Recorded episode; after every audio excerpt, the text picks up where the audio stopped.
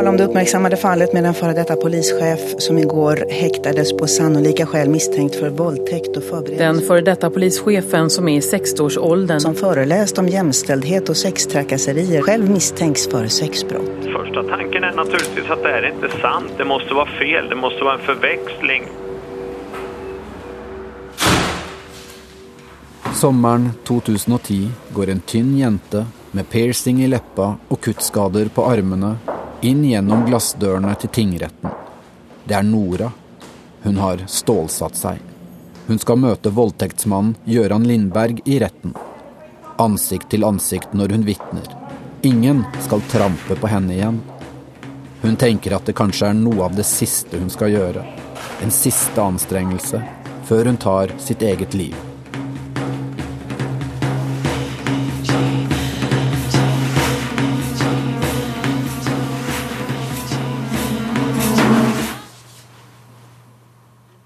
Jag fick ett eh, telefonsamtal från en polis som sa att de hade matchat DNA ifrån den anmälan som hade gjorts där 2007.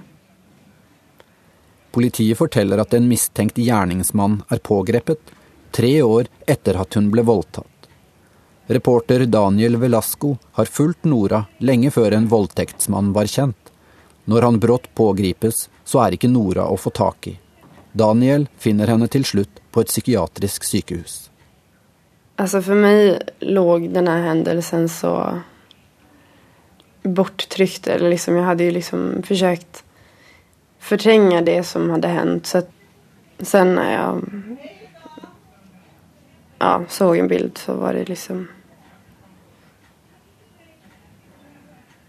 Hun finner raskt ut at voldtektsmannen er den tidligere politisjefen Gøran Lindberg, kjent for å snakke varmt om kvinners rettigheter. Det er bilder av ham overalt, på alle forsider. Hva hände då når du så en bild på honom første gangen efter det? Då?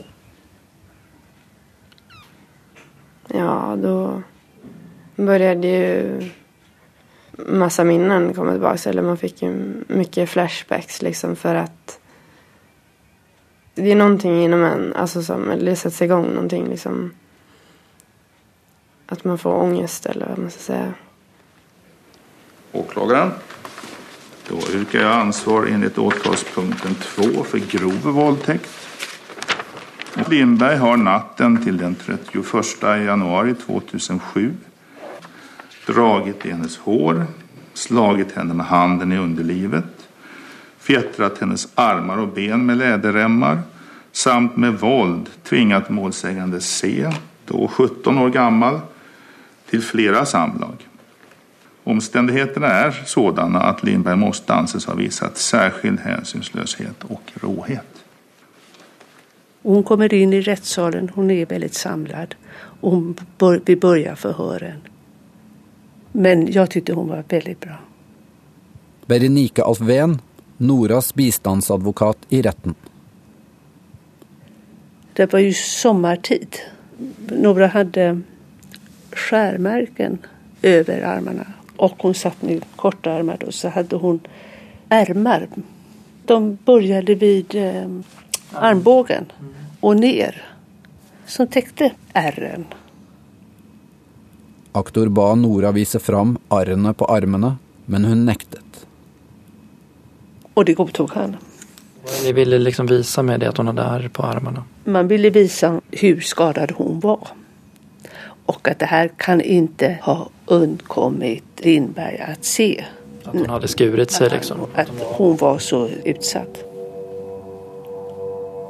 Nora begynte å rispe seg på armene i 13-årsalderen. Hun ble til slutt tvangsplassert på et ungdomshjem. Men terapien det ble bestemt at hun skulle få, ble aldri satt i gang, og selvskadingen ble stadig verre. På ungdomshjemmet Tomlebo begynte hun å prostituere seg. Personalet gjorde ikke noe med det, før hun ble bundet fast og voldtatt av sexkunden som senere skulle vise seg å være Gøran Lindberg. Det jag kände till om Nora så var att hon hade blivit vanvårdad sedan många år tillbaka på olika institutioner. Etter voldtekten fikk ikke Nora noen hjelp til å håndtere det hun hadde opplevd. Derfor er vitnemålet i retten første gang hun forteller om övergreppet i detalj.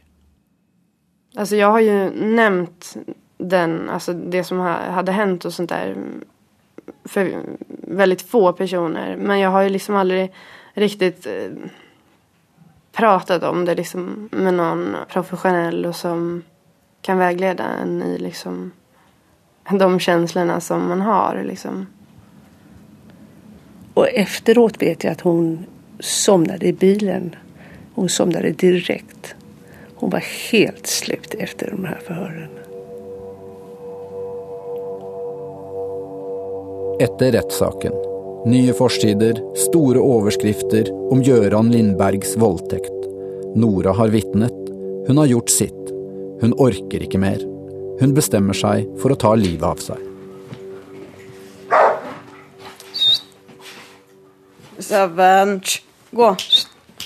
Stanna. Jag jobbade ju natt den kvällen det hände. Jag tror klockan var vid midnatt någonting. Lotta jobbet på stedet Nora bodde denne natten. Et bosted for personer med særlige behov. Der har Nora en egen leilighet, men får støtte av personalet som gir henne medisiner. Då stå, har vi en burk stående inne i medicinskåpet inlåst med överblivna mediciner. Det var en glasburk som det hade varit smörgåsgurka i tror jag. I et gammelt glass for syltede agurker er det hundrevis av tabletter. Alt fra Paracet til sterke narkotikaklassifiserte medisiner. Och när jag öppnade skåpet för att ge henne medicinen så ja, kastade hon sig fram och tog burken och sprang. Lotta sprang etter. De dro hverandre i håret. Lotta kløp Nora. Nora bet Lotta. Så det blev en väldigt tumult. Nora kom seg løs og låste seg inn i leiligheten. Politiet kom og brøt opp døra. Men jag sa jag tror inte hon är farlig. Men de öppnade ju med dragna vapen. Och ja, skrek att hon skulle lägga sig ner. Och jag tror han satte hans fängsel på henne. Gå! Gå ner! Innan politiet kommer, har Nora fått i sig över 200 piller. Hon blir körd till sjukhuset för att bli pumpad.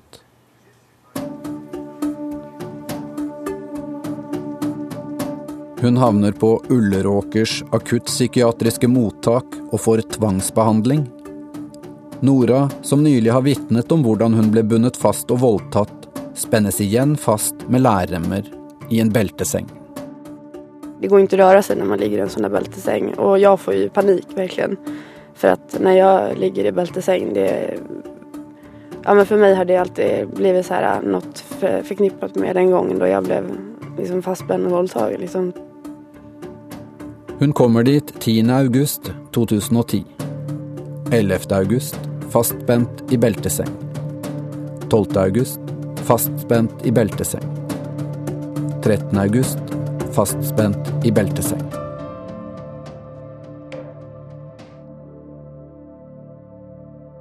Mens hun ligger innlagt på Ulleråker, blir Nora politianmeldt for å ha dratt Lotta i håret og bitt henne.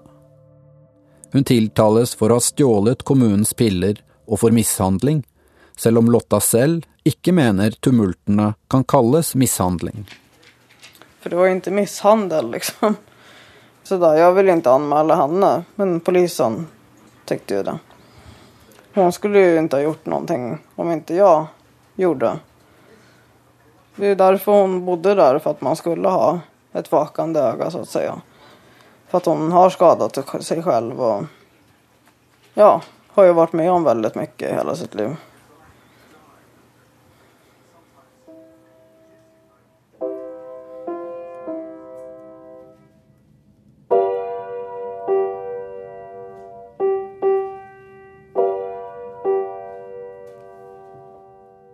Innan hon blev tatt hand om av samfunnet, var Nora ustraffet. En jente som drømte om att bli politi. Nå er hun tiltalt for lovbrudd og har blitt en velkjent pasient på Ulleråkers psykiatriske avdelinger.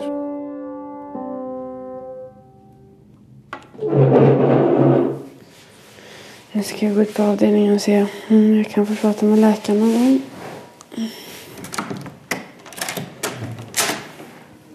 Det är söndag ettermiddag på Ulleråker.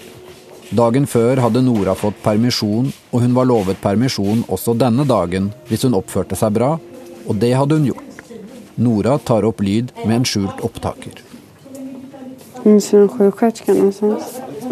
Mm. Men legen som innvilger permisjoner, kommer ikke. Hun banker på døren til ekspedisjonen. Innenfor sitter personalet. Hej, alltså nu börjar jag bli jävligt irriterad. Klockan är snart fyra liksom. Men så här funkar det ju här på helgerna. Det vet ju Ja, men alltså. du. Liksom, Jag har ju väntat sedan åtta i morse Mm. liksom. Det är liksom acceptans som gäller nu. För vi förstår dig och vi vill också att de ska komma Ja, hit. men då är det ingen idé att man sköter permissionerna för det lönar sig ändå inte liksom. De har ju hela psykiatrin på helgen. Så det kan vara att de inte ens är här. Att de har varit borta på Ackis eller något. Jag ska ju träffa liksom några gamla klasskompisar från högstadiet. De undrar liksom, Mm. men jag vill inte bara säga att jag vet inte för jag får, får inte gå ut just nu liksom. Nej, jag förstår. Men vi får ha lite acceptans och så fort det går. Jag menar, jag har inga cigg eller någonting. Jag måste ju gå och handla det också liksom. Mm. Vi kommer ut alldeles strax. Mm. Nora går og setter seg ved pianoet.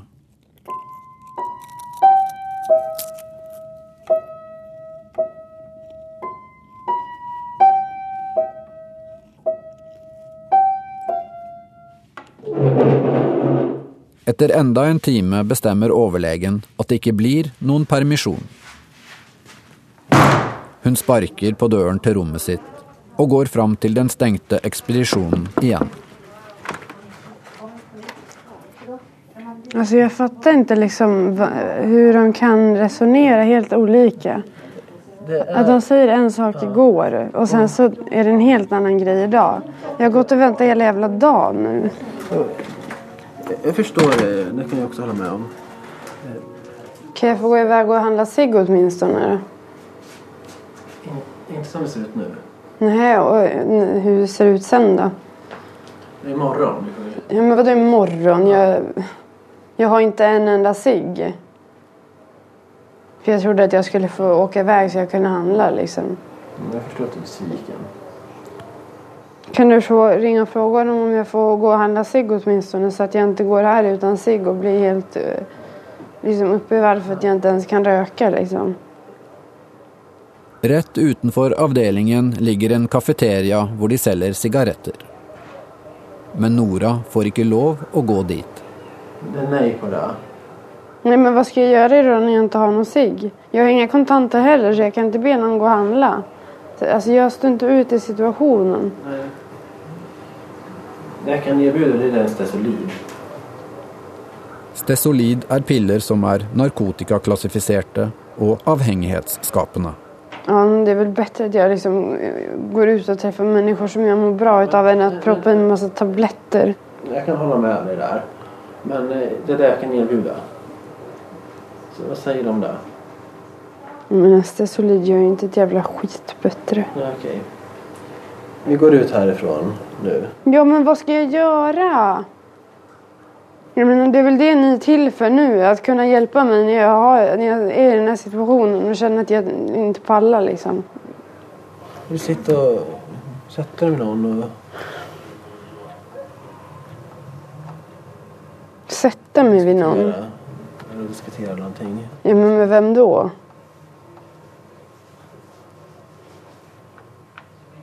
Fattar inte vad det är för jävla vård alltså.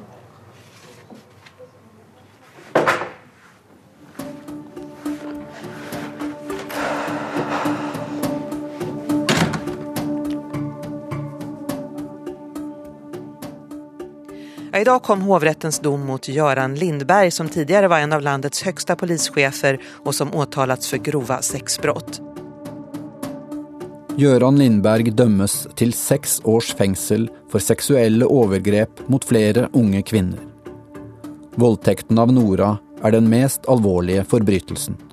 Den har varit eh, sällsynt hänsynslös. Eh, flickan har blivit utsatt för en lång rad olika övergrepp eh, under lång tid och hon har också varit fastbunden.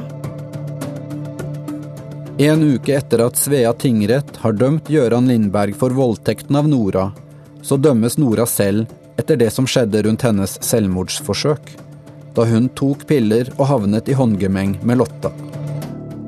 Hun idømmes tilsyn og behandling. För mig var det liksom så här, men jag hade blivit dömd och var liksom, ja men jag är fan en lika stor idiot som de som har gjort mig illa. För nu är jag dömd för misshandel liksom. Men eh, efter ett tag så tyckte jag nog bara att det var meningen på något sätt. Liksom, jag blev ju dömd till vård. Så det var liksom så här, men då måste de se till att jag får behandling. Då måste de se till att jag får rätt vård. Helt siden våldtäkten hade Nora försökt att få hjälp till att hantera det hon hade upplevt. Hon hade hänvänt sig till närpsykiatrin i Enköping och bett om att få prata med en kvinnlig psykolog eller terapeut. Men det fikk hun ikke. I stedet fikk hun timer med en ufaglært mannlig pleier. Och hon hade bett gång på gång att få en kvinnlig terapeut för det var vad hon behövde. Men eh, det struntade hennes läkare i. Vad tänkte du om det då? Jag tyckte det var väldigt upprörande. Väldigt, väldigt upprörande att man inte tar mer fasta på hennes önskemål i det här avseendet. Alltså jag har efter det som har varit så har jag haft väldigt, eh, det har blivit väldigt ångestladdat eh, i situationer med manliga. Eh, Att eh, kanske sitta i ett rum ensam med en manlig eller sitta bredvid en manlig på bussen. Så att jag har liksom inte kunnat anförtro mig riktigt. Nora fick inte hjälpen hon trengte då hon var ett offer, men som domfält håper hon och advokaten på en ändring. Friomsorgen är den delen av svensk kriminalomsorg som ska bestämma vad slags behandling Nora ska ha, i samråd med psykiatrin. Och friomsorgen menar Nora ska få gå i terapi hos en kvinna, slik hon själv önskar. Men slik blir det inte.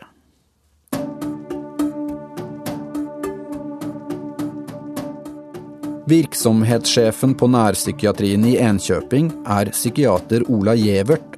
Han går inte med på detta og overkjører friomsorgen.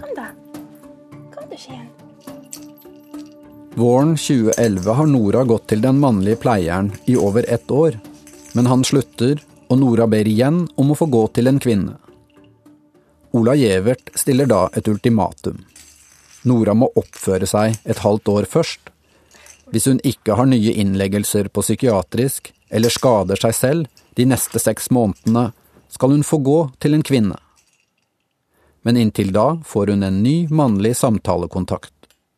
Riktignok en utdannet psykolog denne gangen, men en man. Alltså det är det som blir så fel. Eftersom jag ändå är dömd till vård så måste jag gå till de här samtalen. Annars så påverkar det min eh, skyddstillsyn och det kan ge konsekvenser. Och sen när jag har skött mig och inte åkt in på någon liksom, tvångsvård på psyket eller överhuvudtaget på, blivit inlagd där och inte skadat mig, då kan jag få en kvinnlig. Alltså, ja. Det är ju nu jag behöver vården, liksom. det är inte sen. Efter att Nora blev våldtagen av Göran Lindberg, kom läkarna fram till att hon lider av posttraumatisk stressyndrom efter grov och långvarig misshandling. Men det tror inte Ola Gjevert på. Han mener hun har en emosjonell ustabil personlighetsforstyrrelse, borderline. Kan jag komma in eller? Ja. Nora gjør et skjult opptak av en samtale med Ola Gjevert. Mm, nej, för jag har lite frågor som jag skulle vilja få någon klarhet i. Eh, ja, men först det här eh, när din tanke om kvinnlig psykolog var tänkt. Nej. Ja, men när i sådana fall? Ja, det är sex månader. När du har skött i sex månader så kan vi ställa upp på det. När jag skötte mig i sex månader. Ja. Enligt min advokat så blev hon väldigt förvånad för hon tycker att efter att Lindberg blev dömd för den här grova våldtäkten så tycker hon att jag borde ha rätt till en kvinnlig. Att det är en självklarhet egentligen att jag ska få bearbetning och en kvinnlig Vi ska psykolog. inte bearbeta. Det är ingen som tror på bearbetning längre. Ja, fast jag, jag tror på det. Ja, men det gör, ingen i vården gör det. Det som har hänt, det har hänt och det är skitsamma hur man tänker på det. Och mm. ju mindre vi pratar om det desto bättre är det. Om sex månader kan läget vara helt annorlunda. Du kan vara frisk. Du kan ha blivit kär och flyttat till Afrika med en svart man. Alltså det, det är så mycket som kan hända. Så Mm. vi ska inte se sex månader framåt i tiden utan gå till Johan du. Så, alltså sen, eh, ja, det var det jag frågade på mötet här som du inte ville svara på. Men jag undrade lite det här med min diagnos. Vad det är som du bygger borderline på. För det har jag aldrig fått någon klarhet i förutom att självskadebeteendet. Ja, du uppfyller tror jag alla kriterier på emotionell instabil personlighetsstörning. Mm. Du Men funkar alltså, inte i samhället, du har inte funkat i samhället sen, sen du blev vuxen. Att du har stor impulsivitet, svartvitt tänkande. men svartvitt tänkande till exempel. Det tycker jag inte att jag har. För Det tycker jag. på vilket sätt då? Att jag, det tycker alla som har träffat dig så jag behöver inte kvalificera det mer. men kan jag, då krä, kan jag då kräva att få göra en utredning så att jag får det svart Det, på vitt? ingen, det, det behövs inte. Det är bortkastad tid. Nej, alltså jag tycker det är viktigt för mig. För det jag har frågat också, det är liksom när jag pratade med Emad förut. Eh, om han tror att jag har posttraumatiskt stressyndrom. Ja, det tror inte jag. Du tror inte det? Så att du tror att jag har gått helt oberörd efter hur jag har växt upp och den här händelsen med Lindberg till exempel? Det här leder, ingenstans. Du får prata med Johan och, och, och ta hand om det. Ja, men det är ju inte så lätt när jag inte får den vården som jag skulle vilja ha och som jag Men tror det, på. Det är så att den vården som du vill ha. Det är liksom, om du kommer till en cancerläkare och säger jag vill ha cellgifter för jag tror jag har cancer. Då säger han nej men du har inte cancer så jag kan inte ge dig cellgifter. Jo jag vill ha cellgifter. Fast det är ju inte alls samma sak. Jo det är precis samma sak. Nej, för att om jag nu bara känner... Grejen är ju den att jag ska känna mig trygg till den kontakten jag går och pratar med. Om jag ska kunna prata om saker som jag tycker är jobbigt så då underlättar det ju väldigt mycket för mig att få prata med en kvinnlig. Men gräv inte ner dig i det. Du får ju prata med en kvinnlig när du har skött dig. Och nu gör du ju det bra så det- kommer ju om, tre- om sex månader. Och sköta med att jag inte Är gör självdestruktiv. Och hamnar på Ulleråker eller vad var det? Det finns inget stöd att det blir något bättre för man pratar med en kvinna. Ja, Fast det är min känsla att det känns bättre för mig. Men då säger jag, du får vara, är du självskadefri i sex månader så ska jag köpa en kvinna. Är det för att det kostar pengar som du inte vill skicka mig vidare till unga vuxna? Vad är det liksom som Men är... Jag måste ha en terapeut som jag kan lita på.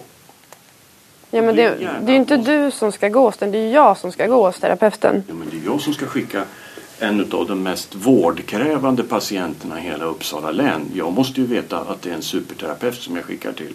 De mest vårdkrävande. Krävande. Ja. Och det anser du att jag är då? Det är ju bara att läsa journalen de sista tre åren så ser vi vem är det som har legat inne mest på Ulleråker. Men tycker du inte då är det viktigt att lyssna på vad jag känner? Det att, viktiga är då för mig som, som behandlar själens svåraste sjukdomar är faktiskt att ge dig bra behandling och inte lyssna så mycket på vad du jiddrar om. ja, men är det viktigare att du ska tycka att det känns bra? Är det inte viktigare att jag ska Det tycka ska att det inte känns bra? kännas bra för mig. För när det känns bra för doktorn när man behandlar emotionellt instabila, då vet jag att det är fel. Jag tycker inte du ska säga alltså, emotionell instabil. För att så länge du inte har gjort någon utredning så... Men det, sluta att prata om utredningar. Det där är Ja, men sluta prata om- löjligt. Ann-Charlotte, en av enhetssjefene på nærpsykiatrien, kommer inn i rommet. Hej. Du har haft jättebra frågor. Ja. Mm. Och funderingar. Mm. Mm. Jag står fast vid de enkla regler som jag har gjort. Det är sex månaders självskadefritt beteende. Då får du en kvinnlig terapeut. Men om jag nu är så vårdkrävande så måste man väl kunna lyssna lite till mina önskemål också. För att man... Vi, tittar, vi, vi lyssnar inte på dina önskemål. Vi ser vad som är bra för dig. Men jag blir liksom så frustrerad över situationen. För jag är dömd till det här. Jag måste gå till den samtalskontakten som jag blir utdelad. Och det blir liksom... Om jag nu inte känner mig motiverad till att gå till någon manlig och börja starta upp någon liksom... Behöver du inte göra det? Nej men vad ska jag göra då? då? Destruktivt ifrån så får du din kvinnliga terapeut. Ja, alltså när det har gått sex månader. Är det så här du behandlar dina patienter? Alltså, Men jag tycker att du ska, om jag får säga vad jag tycker som kvinna här i den här. Jag tycker du ska gå till Johan och ta den här chansen. Försöka bjuda till och ge den information som han vill ha. Det är som att jag ska förtjäna att få den vården jag skulle vilja ha. Ja, men det är då återigen så här, det- du kommer du och så säger du att du har cancer och så vill du ha cellgifter. Fast det, alltså det är ju så sjuk liknelse. Du vet Nej, ju... det är Du, inte en sjuk liknelse. Det är så sjukt att skicka folk till ja men vad är det som säger att jag inte har posttraumatiskt stresssyndrom? Du har träffat mig tre gånger. Hur kan du avgöra det? Du verkar inte ens veta vad jag har gått igenom då. Men det där ska du gå till botten med och prata Men Johan- med Johan om. Men jag kan inte prata med manliga om det här som har hänt. Hur ska jag kunna göra? Och jag tror alltså utifrån att jag själv är kvinna och jag tror, ja, men jag tror att det kan bli bra. Det tror jag. Så Ja, du tror, men jag tycker inte att det känns bra. Och jag har... Otto och jag har jobbat tillsammans med väsentligen svårare patienter med dig och, och vi, har, vi har lyckats. Vi har lyckats väldigt väl. Faktiskt. Ja. Ja, men det är inte det jag Det är frågar folk ens. som har bott på LRV i sju år. Jag menar dina 18 månader på, på Ulleråker är ingenting. Nej, men det har väl inte Kapten någonting med det här att Klänning är göra. ingenting jämfört med vad de tjejerna har varit ute efter. Han sier at kaptein Klenning, kallenavnet på Gøran Lindberg, er ingenting. Och de kan berätta. Nej, men ska man jämföra Ja, eller? det ska man. Ja, men vet du, har du någon, ens någon aning om vad som händer då? Det, det spelar ingen roll. Nej, men hur vet du då att de har haft det värre än mig då? Nej, men du kastar ur dig så konstiga saker, Ola. Jag förstår inte. Nej, okej. Du behöver inte förstå. Och ge Johan en chans. Jag skulle, om jag var i dina kläder skulle jag göra det. Nej, alltså jag är så jäkla less på att hoppa runt överallt. Så att jag tänker inte bara lägga mig platt och låta andra bestämma vad, vad som passar och inte passar. Nu har jag nästa patient. Ja, men jag tror att jag tror att det här kan hjälpa dig ändå. Jag tror det. Annars så skulle vi inte föreslå det. Nej, men det är som att, alltså, för att det står borderline i min, min journal så är det som att man är dumförklarad och manipulativ och allt vad det är och inte att alla andra vet mycket bättre. Jag får, inte min röst, jag får inte min röst hörd. Nej, just det. Vi lyssnar inte på den emotionella delen. Nej, det är det jag menar. Ja, och den ska vi inte lyssna på. Vi ska ju lära dig att leva ett vuxenliv. Det är ju det som terapin går ut på. Tack och hej. Ja.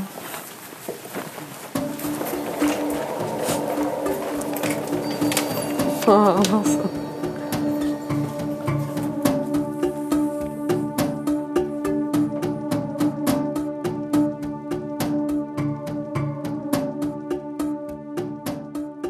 Nærpsykiatrien i Enköping AB er et privat aksjeselskap som driver det åpne psykiatriske tilbudet i Enköping på oppdrag fra Uppsala fylke. Samme eier har også hand om nærpsykiatrien i kommuner i hele nordre Uppland. Selskapene eies av ett og samme holdingselskap, som igjen eies av psykiateren Ola Gevert. Han som bestemmer hva slags behandling pasientene skal ha, drar selv inn overskuddet fra nærpsykiatrien. I 2011 ga han seg selv 990 000 kroner i aksjeutbytte.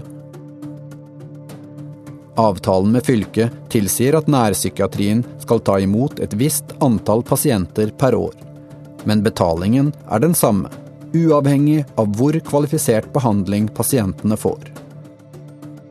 Nora, som Ola Gjevert mener er en av fylkets mest behandlingskrevende pasienter, måtte i ett år gå til en mannlig pleier.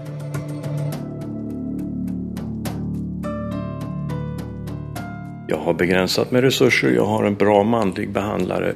Och därför så tycker jag att det är det hon ska ha. Men det är för att det kostar pengar då som du inte Nej, kunde? Absolut inte. Om jag skulle hoppa eh, som en slalomåkare efter vad folk vill ha för olika behandlingar när det gäller emotionell instabil personlighetsstörning då det skulle bli alldeles förtvivlat. Fast nu var det inte så att hon direkt efterfrågade någon viss form av behandling. Hon hade ju bara det enda kravet att hon ville prata med en kvinna istället för en man. Vill jag att redaktören nu tar på något sätt lyssnar och så säger så här. Patienten stör behandlingen. Genom att kräva en kvinnlig terapeut. Ja, hon, det, och enbart för att störa behandlingen. Men nu, nu eh, säger du att det här är en av de mest svårbehandlade eh, patienterna i hela Uppsala län. Om hon är så svårbehandlad, varför har hon då fått gå till en, till en olegitimerad terapeut istället för en psykolog? Han är duktig. Vad sa du? Bara för att han är väldigt duktig. om du hade skickat henne till en, till en extern psykolog så hade det kostat mer pengar, eller hur? Det spelar ingen roll. Det hade det väl gjort? Nej. Jo, det hade det väl gjort. Ja, det hade kostat mer pengar. Och vart vill du komma? Jag bara tänker så här, finns det någon risk att du sitter på två stolar här? Att du bestämmer vilken vård de ska ha? Och det är du som tjänar pengar på de här företagen? Ja, det är alldeles riktigt. Vadå? Att jag tjänar pengar på de här företagen det kan du ge dig tusan på. Nora, advokaten och friomsorgen fortsätter att kräva en kvinnlig terapeut eller psykolog. Eller att Ola Gjevert ska hänvisa Nora till psykiatrimottaket för unga vuxna i Uppsala, som är inställt på att ge Nora en kvinnlig terapeut. En dag är friomsorgsinspektören med på Noras nätverksmöte på närpsykiatrin. Där gjentas kravet. Efter mötet kräver Ola Gjevert att få prata med inspektören i enerom. Ola inleder samtalet genom att säga att sedan frivården kom in i bilden har det bara gått utför. Klienterna har satt griller i huvudet på er. Hon manipulerar och duperar. Den här idén om att komma till unga vuxna är helt befängt. Vidare menade han att tjejer med liknande problematik i princip aldrig kan bli bra. Det kommer inte att hjälpa med samtalsterapi som klienten tror utan hon ska bara bita ihop och gå vidare. Han avslutar sitt uttalande med att säga att hon började hora innan det här med Lindberg hände. Jag skrev den här anmälan dels för att jag som känner mig nedvärderad i min profession. Han ifrågasatte mina tankar och värderingar kring klienten. Och sen avslutar han ju med att säga att, eh, att hon horade innan det här med Lindberg hände och menade på då att då får man skylla sig själv. Jag är den som är proffset här. Och så sa jag det här till henne att hör du, vad du gör nu det är att du spelar med i en emotionell instabil personlighetsstörning och det här är terapistörande. Det vad jag talar om för henne. Mm. Mm. Och sen sa du också att eh, hon började hora innan det här med Lindberg hände. Ja. Varför sa du så då? Hon har ju en... Eh, eh, hon var prostituerad så vitt jag vet innan. Och den här frivårdsinspektören visste om det. Men varför tog du upp det? Vad har det med saken att göra ja, när hon började prostituera sig? Om du har varit, bedrivit, eh, en, alltså sålt sig själv redan innan eventuella andra brott så, så, tror inte jag riktigt att det har någon stor bäring. Och jag försökte få den här stackars eh, frivårdsinspektören att på något sätt inse att det är lite orimligt det hon säger. Du menar att det som hände med Lindberg inte har så stor bäring därför att hon hade prostituerat sig innan? Ja, vi vet ju inte vad som hände med Lindberg. Vet vi inte? Nej. Vet du det? Ja, han är dömd för grov våldtäkt i alla fall. Ja, det är han. Men vi vet väl inte, eller? Var du där? Jag läste till och med sjukhusjournalen om hur skadad de var efteråt. Du, du tycker att det var, det var inte så? Ja, men det, det, är så här att har du läst alla sjukhusjournalerna hur mycket som patienten har skadat sig annars? Jag förstår, inte vad, jag förstår inte vad det har med saken att göra. Men det, jag, vill ju, jag arbetar efter den hypotesen att vi skulle rädda hennes liv genom att få ordning och reda i livet. Jag tänker på det här du säger om, om, om Lindberg då. Då menar du att, att hon inte kan bli våldtagen då för att jag hon är prostituerad? inte. Jag vill inte kommentera det. Jag förstår att du gärna vill prata om det, men jag vill inte det.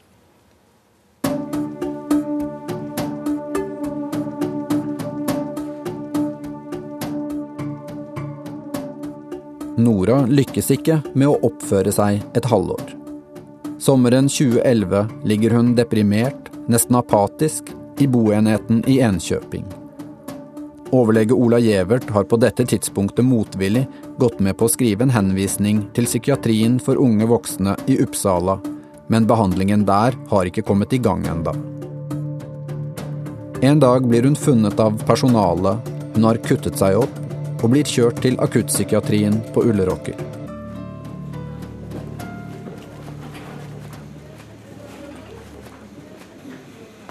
Jag kom hit och så bara låg i sängen. Och jag väntade på läkaren. Alltså jag sov ju ganska mycket. Och det hade jag gjort innan jag kom in också. Jag låg mycket hemma i sängen och sådär. Var väldigt nedstämd. Eller jag orkade inte göra någonting. Omsider kommer en legespecialist in i rummet. Och han eh, tyckte ju att jag var så pass deprimerad eller nedstämd och eh, tyckte att jag behövde sluten vård. Legespecialisten föreslår att Nora ska läggas in för en period och få elektrochockbehandling, ECT. När han tyckte att, att jag skulle få ECT och behövde stanna kvar i flera veckor då sa jag att jag inte ville det utan att jag ville åka hem och då tyckte han att ja men då måste jag sätta tvångsvård. Legen bestämmer att Nora ska tvångsbehandlas efter lov om psykisk tvångsbehandling. I journalen skriver han en flera sidor lång förklaring om varför Nora må ha tvungen behandling. Någon timmar senare går överlägen som har bakvakt sin kvällsrunda. Denna kvällen är det tillfälligtvis psykiater Ola Gevert som är på vakt. Han är nämligen inte bara ägare och verksamhetschef på närpsykiatrin i Enköping och hela nordre Uppland. Han jobbar också extra vakter på Ulleråker. Han kom in och satte sig på en stol bredvid sängen där jag låg. Och jag var väl ganska fåordig för jag ville ju liksom inte prata med honom riktigt efter allt som hade varit. Eller. Men han satte sig i alla fall på stolen och så sitter han och, och eh, drar i noppror i strumporna och är liksom så här, ja men ointresserad. Det var liksom inte alls som andra läkare brukar vara, att de börja fråga hur man mår och om man har tankar på att skada sig eller självmordstankar. För det är så det brukar gå till. Utan han var mer liksom det här, ja men, ja just det, jag hörde att ni var i Cypern, hur var det där då liksom? Och, men sen kom han ju till det där att, ja men, eh, jaha, hur kommer det sig att du kom hit då? Det borde du väl veta liksom, du har väl liksom läst i journalerna. Han bara, nej jag vill att det ska komma från dig. Han bara, ja men vad har du gjort då? Jag bara, nej ingenting. Så här. Har du stått på en bro och tänkt hoppa? Jag bara, nej det har jag inte gjort så här.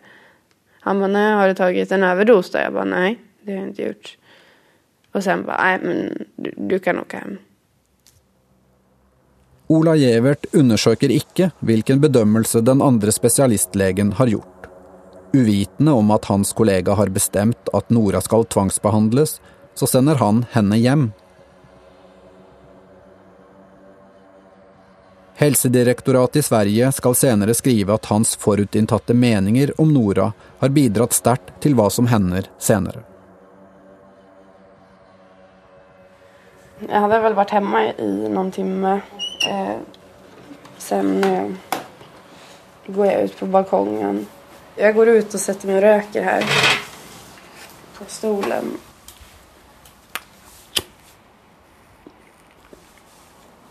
Jag har jättemycket ångest och vet väl inte riktigt vad jag ska göra. Jag kommer aldrig kunna leva normalt och liksom, jag skiter i allt, det spelar ingen roll. Man har försökt kämpa så jävla länge liksom. Man har mått dåligt sedan man var 14.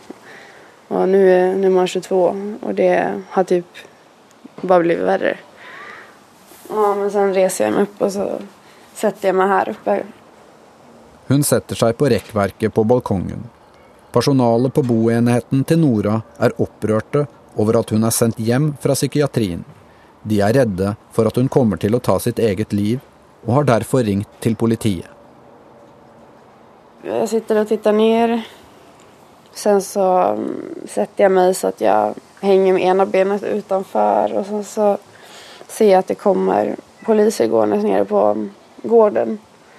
Så ropar ena polisen att jag ska kliva ner. Och till slut så, så säger en av polisen att ja, men, eh, då kommer eh, den kvinnliga polisen upp till dig så får ni prata. Jag blir stressad och känner att nu liksom kommer de upp och eh, liksom jag har suttit här så vet jag liksom att det i sin tur de kommer köra mig till typ Ulleråker liksom. Ja, under den tiden när hon går upp för trappan så hinner jag liksom bestämma mig för att jo, fan jag hoppar.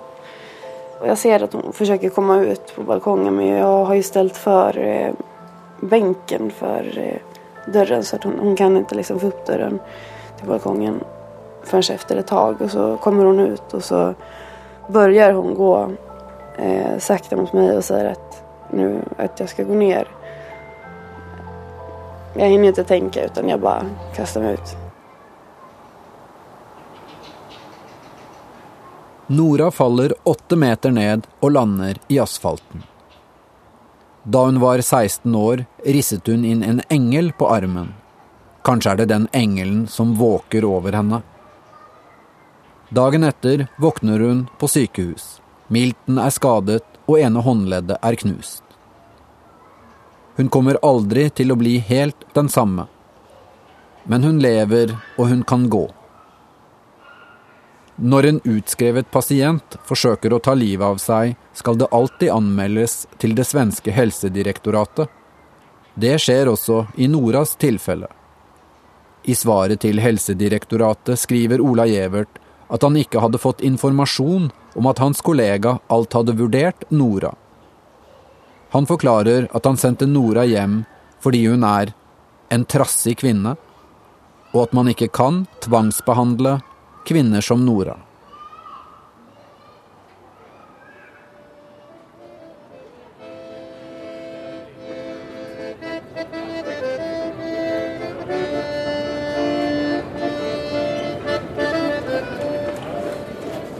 Nora ønsker å fortsette opptakene med Daniel, men det blir mer og mer vanskelig å avtale nye intervjuer. Flere ganger er hun for syk til å snakke. Denne dagen skal de treffes ved sentralstasjonen i Uppsala. Nora er forsinket. Hallå? Ja, hej, det är Daniel. Hej. Hej, är det kroken eller? Eh, ja, jag är fortfarande på blomsteraffären. Kan jag ringa dig när jag är klar här? Jag ska bara betala. Ja, absolut. Gör det. Ja, bra. Okej. Mm, hej. Nora er i blomsterbutikken. Hun skal kjøpe blomster til begravelsen for hennes beste venn, som akkurat har dødd av en pilleoverdose.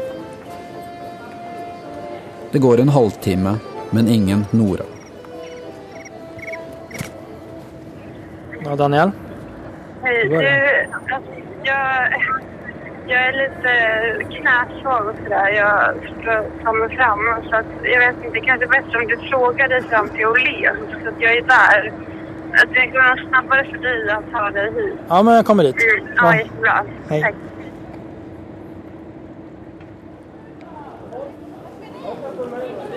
Hej, hej. Är det?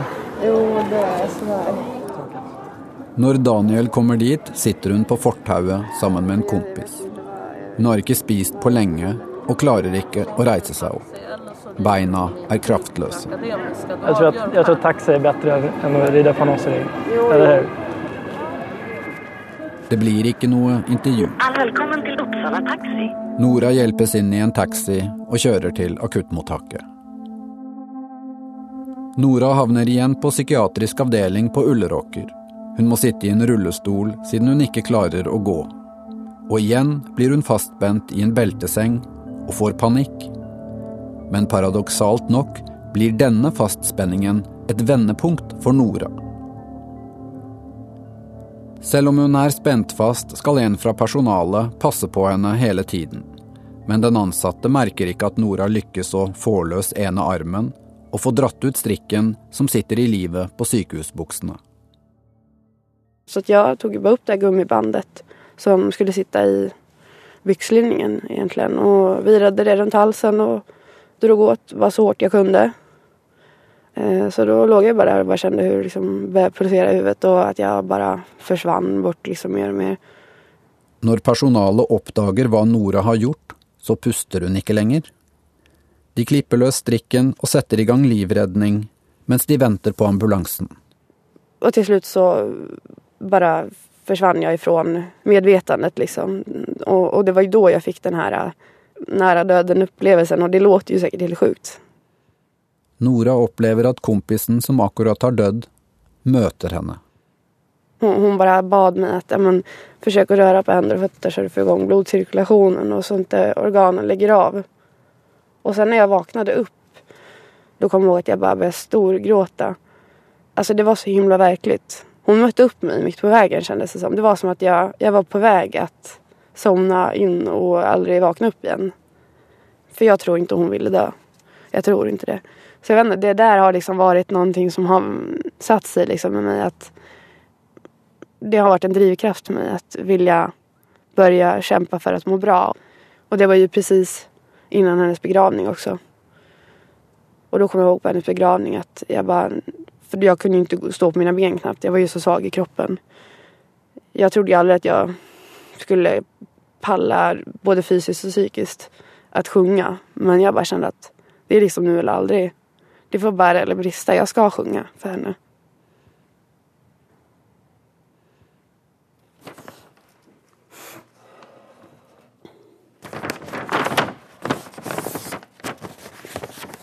Nora venter på å snakke med en lege. Hun blar i et skjema fullt av spørsmål hun skal svare på. Det är våren 2012. I ett halvt år har nu psykiatrin i Uppsala haft behandlingsansvar för Nora. Efter att hon hamnat i rullstol och nästan döde bestämmer en av överlägarna på Ulleråker, Per Alberg, att Nora må utredas ordentligt. Han har börjat att misstänka att Nora egentligen har en annan diagnos. Kanske hon inte har en känslomässigt ustabil personlighetsforstyrrelse. Kanske det är ADHD, og nå skal hun fylle ut et spørreskjema. Vad betyder monoton? Det är att det är likartat kan man säga. Det er åtte år siden Nora havnet i barne- og ungdomspsykiatrien for første gang.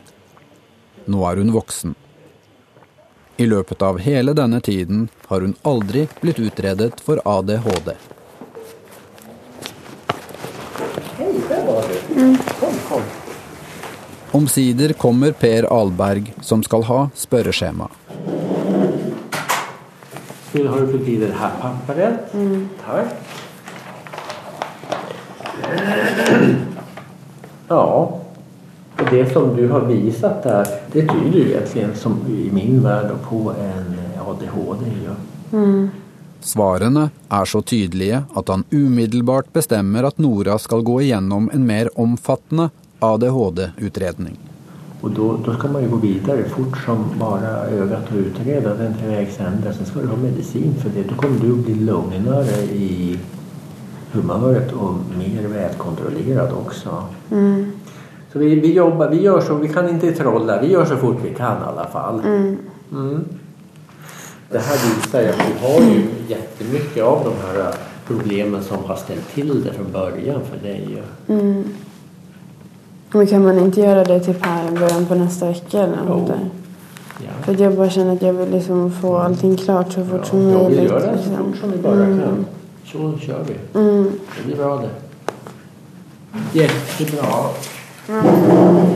Så jag får veta hur det blir med det. Ja.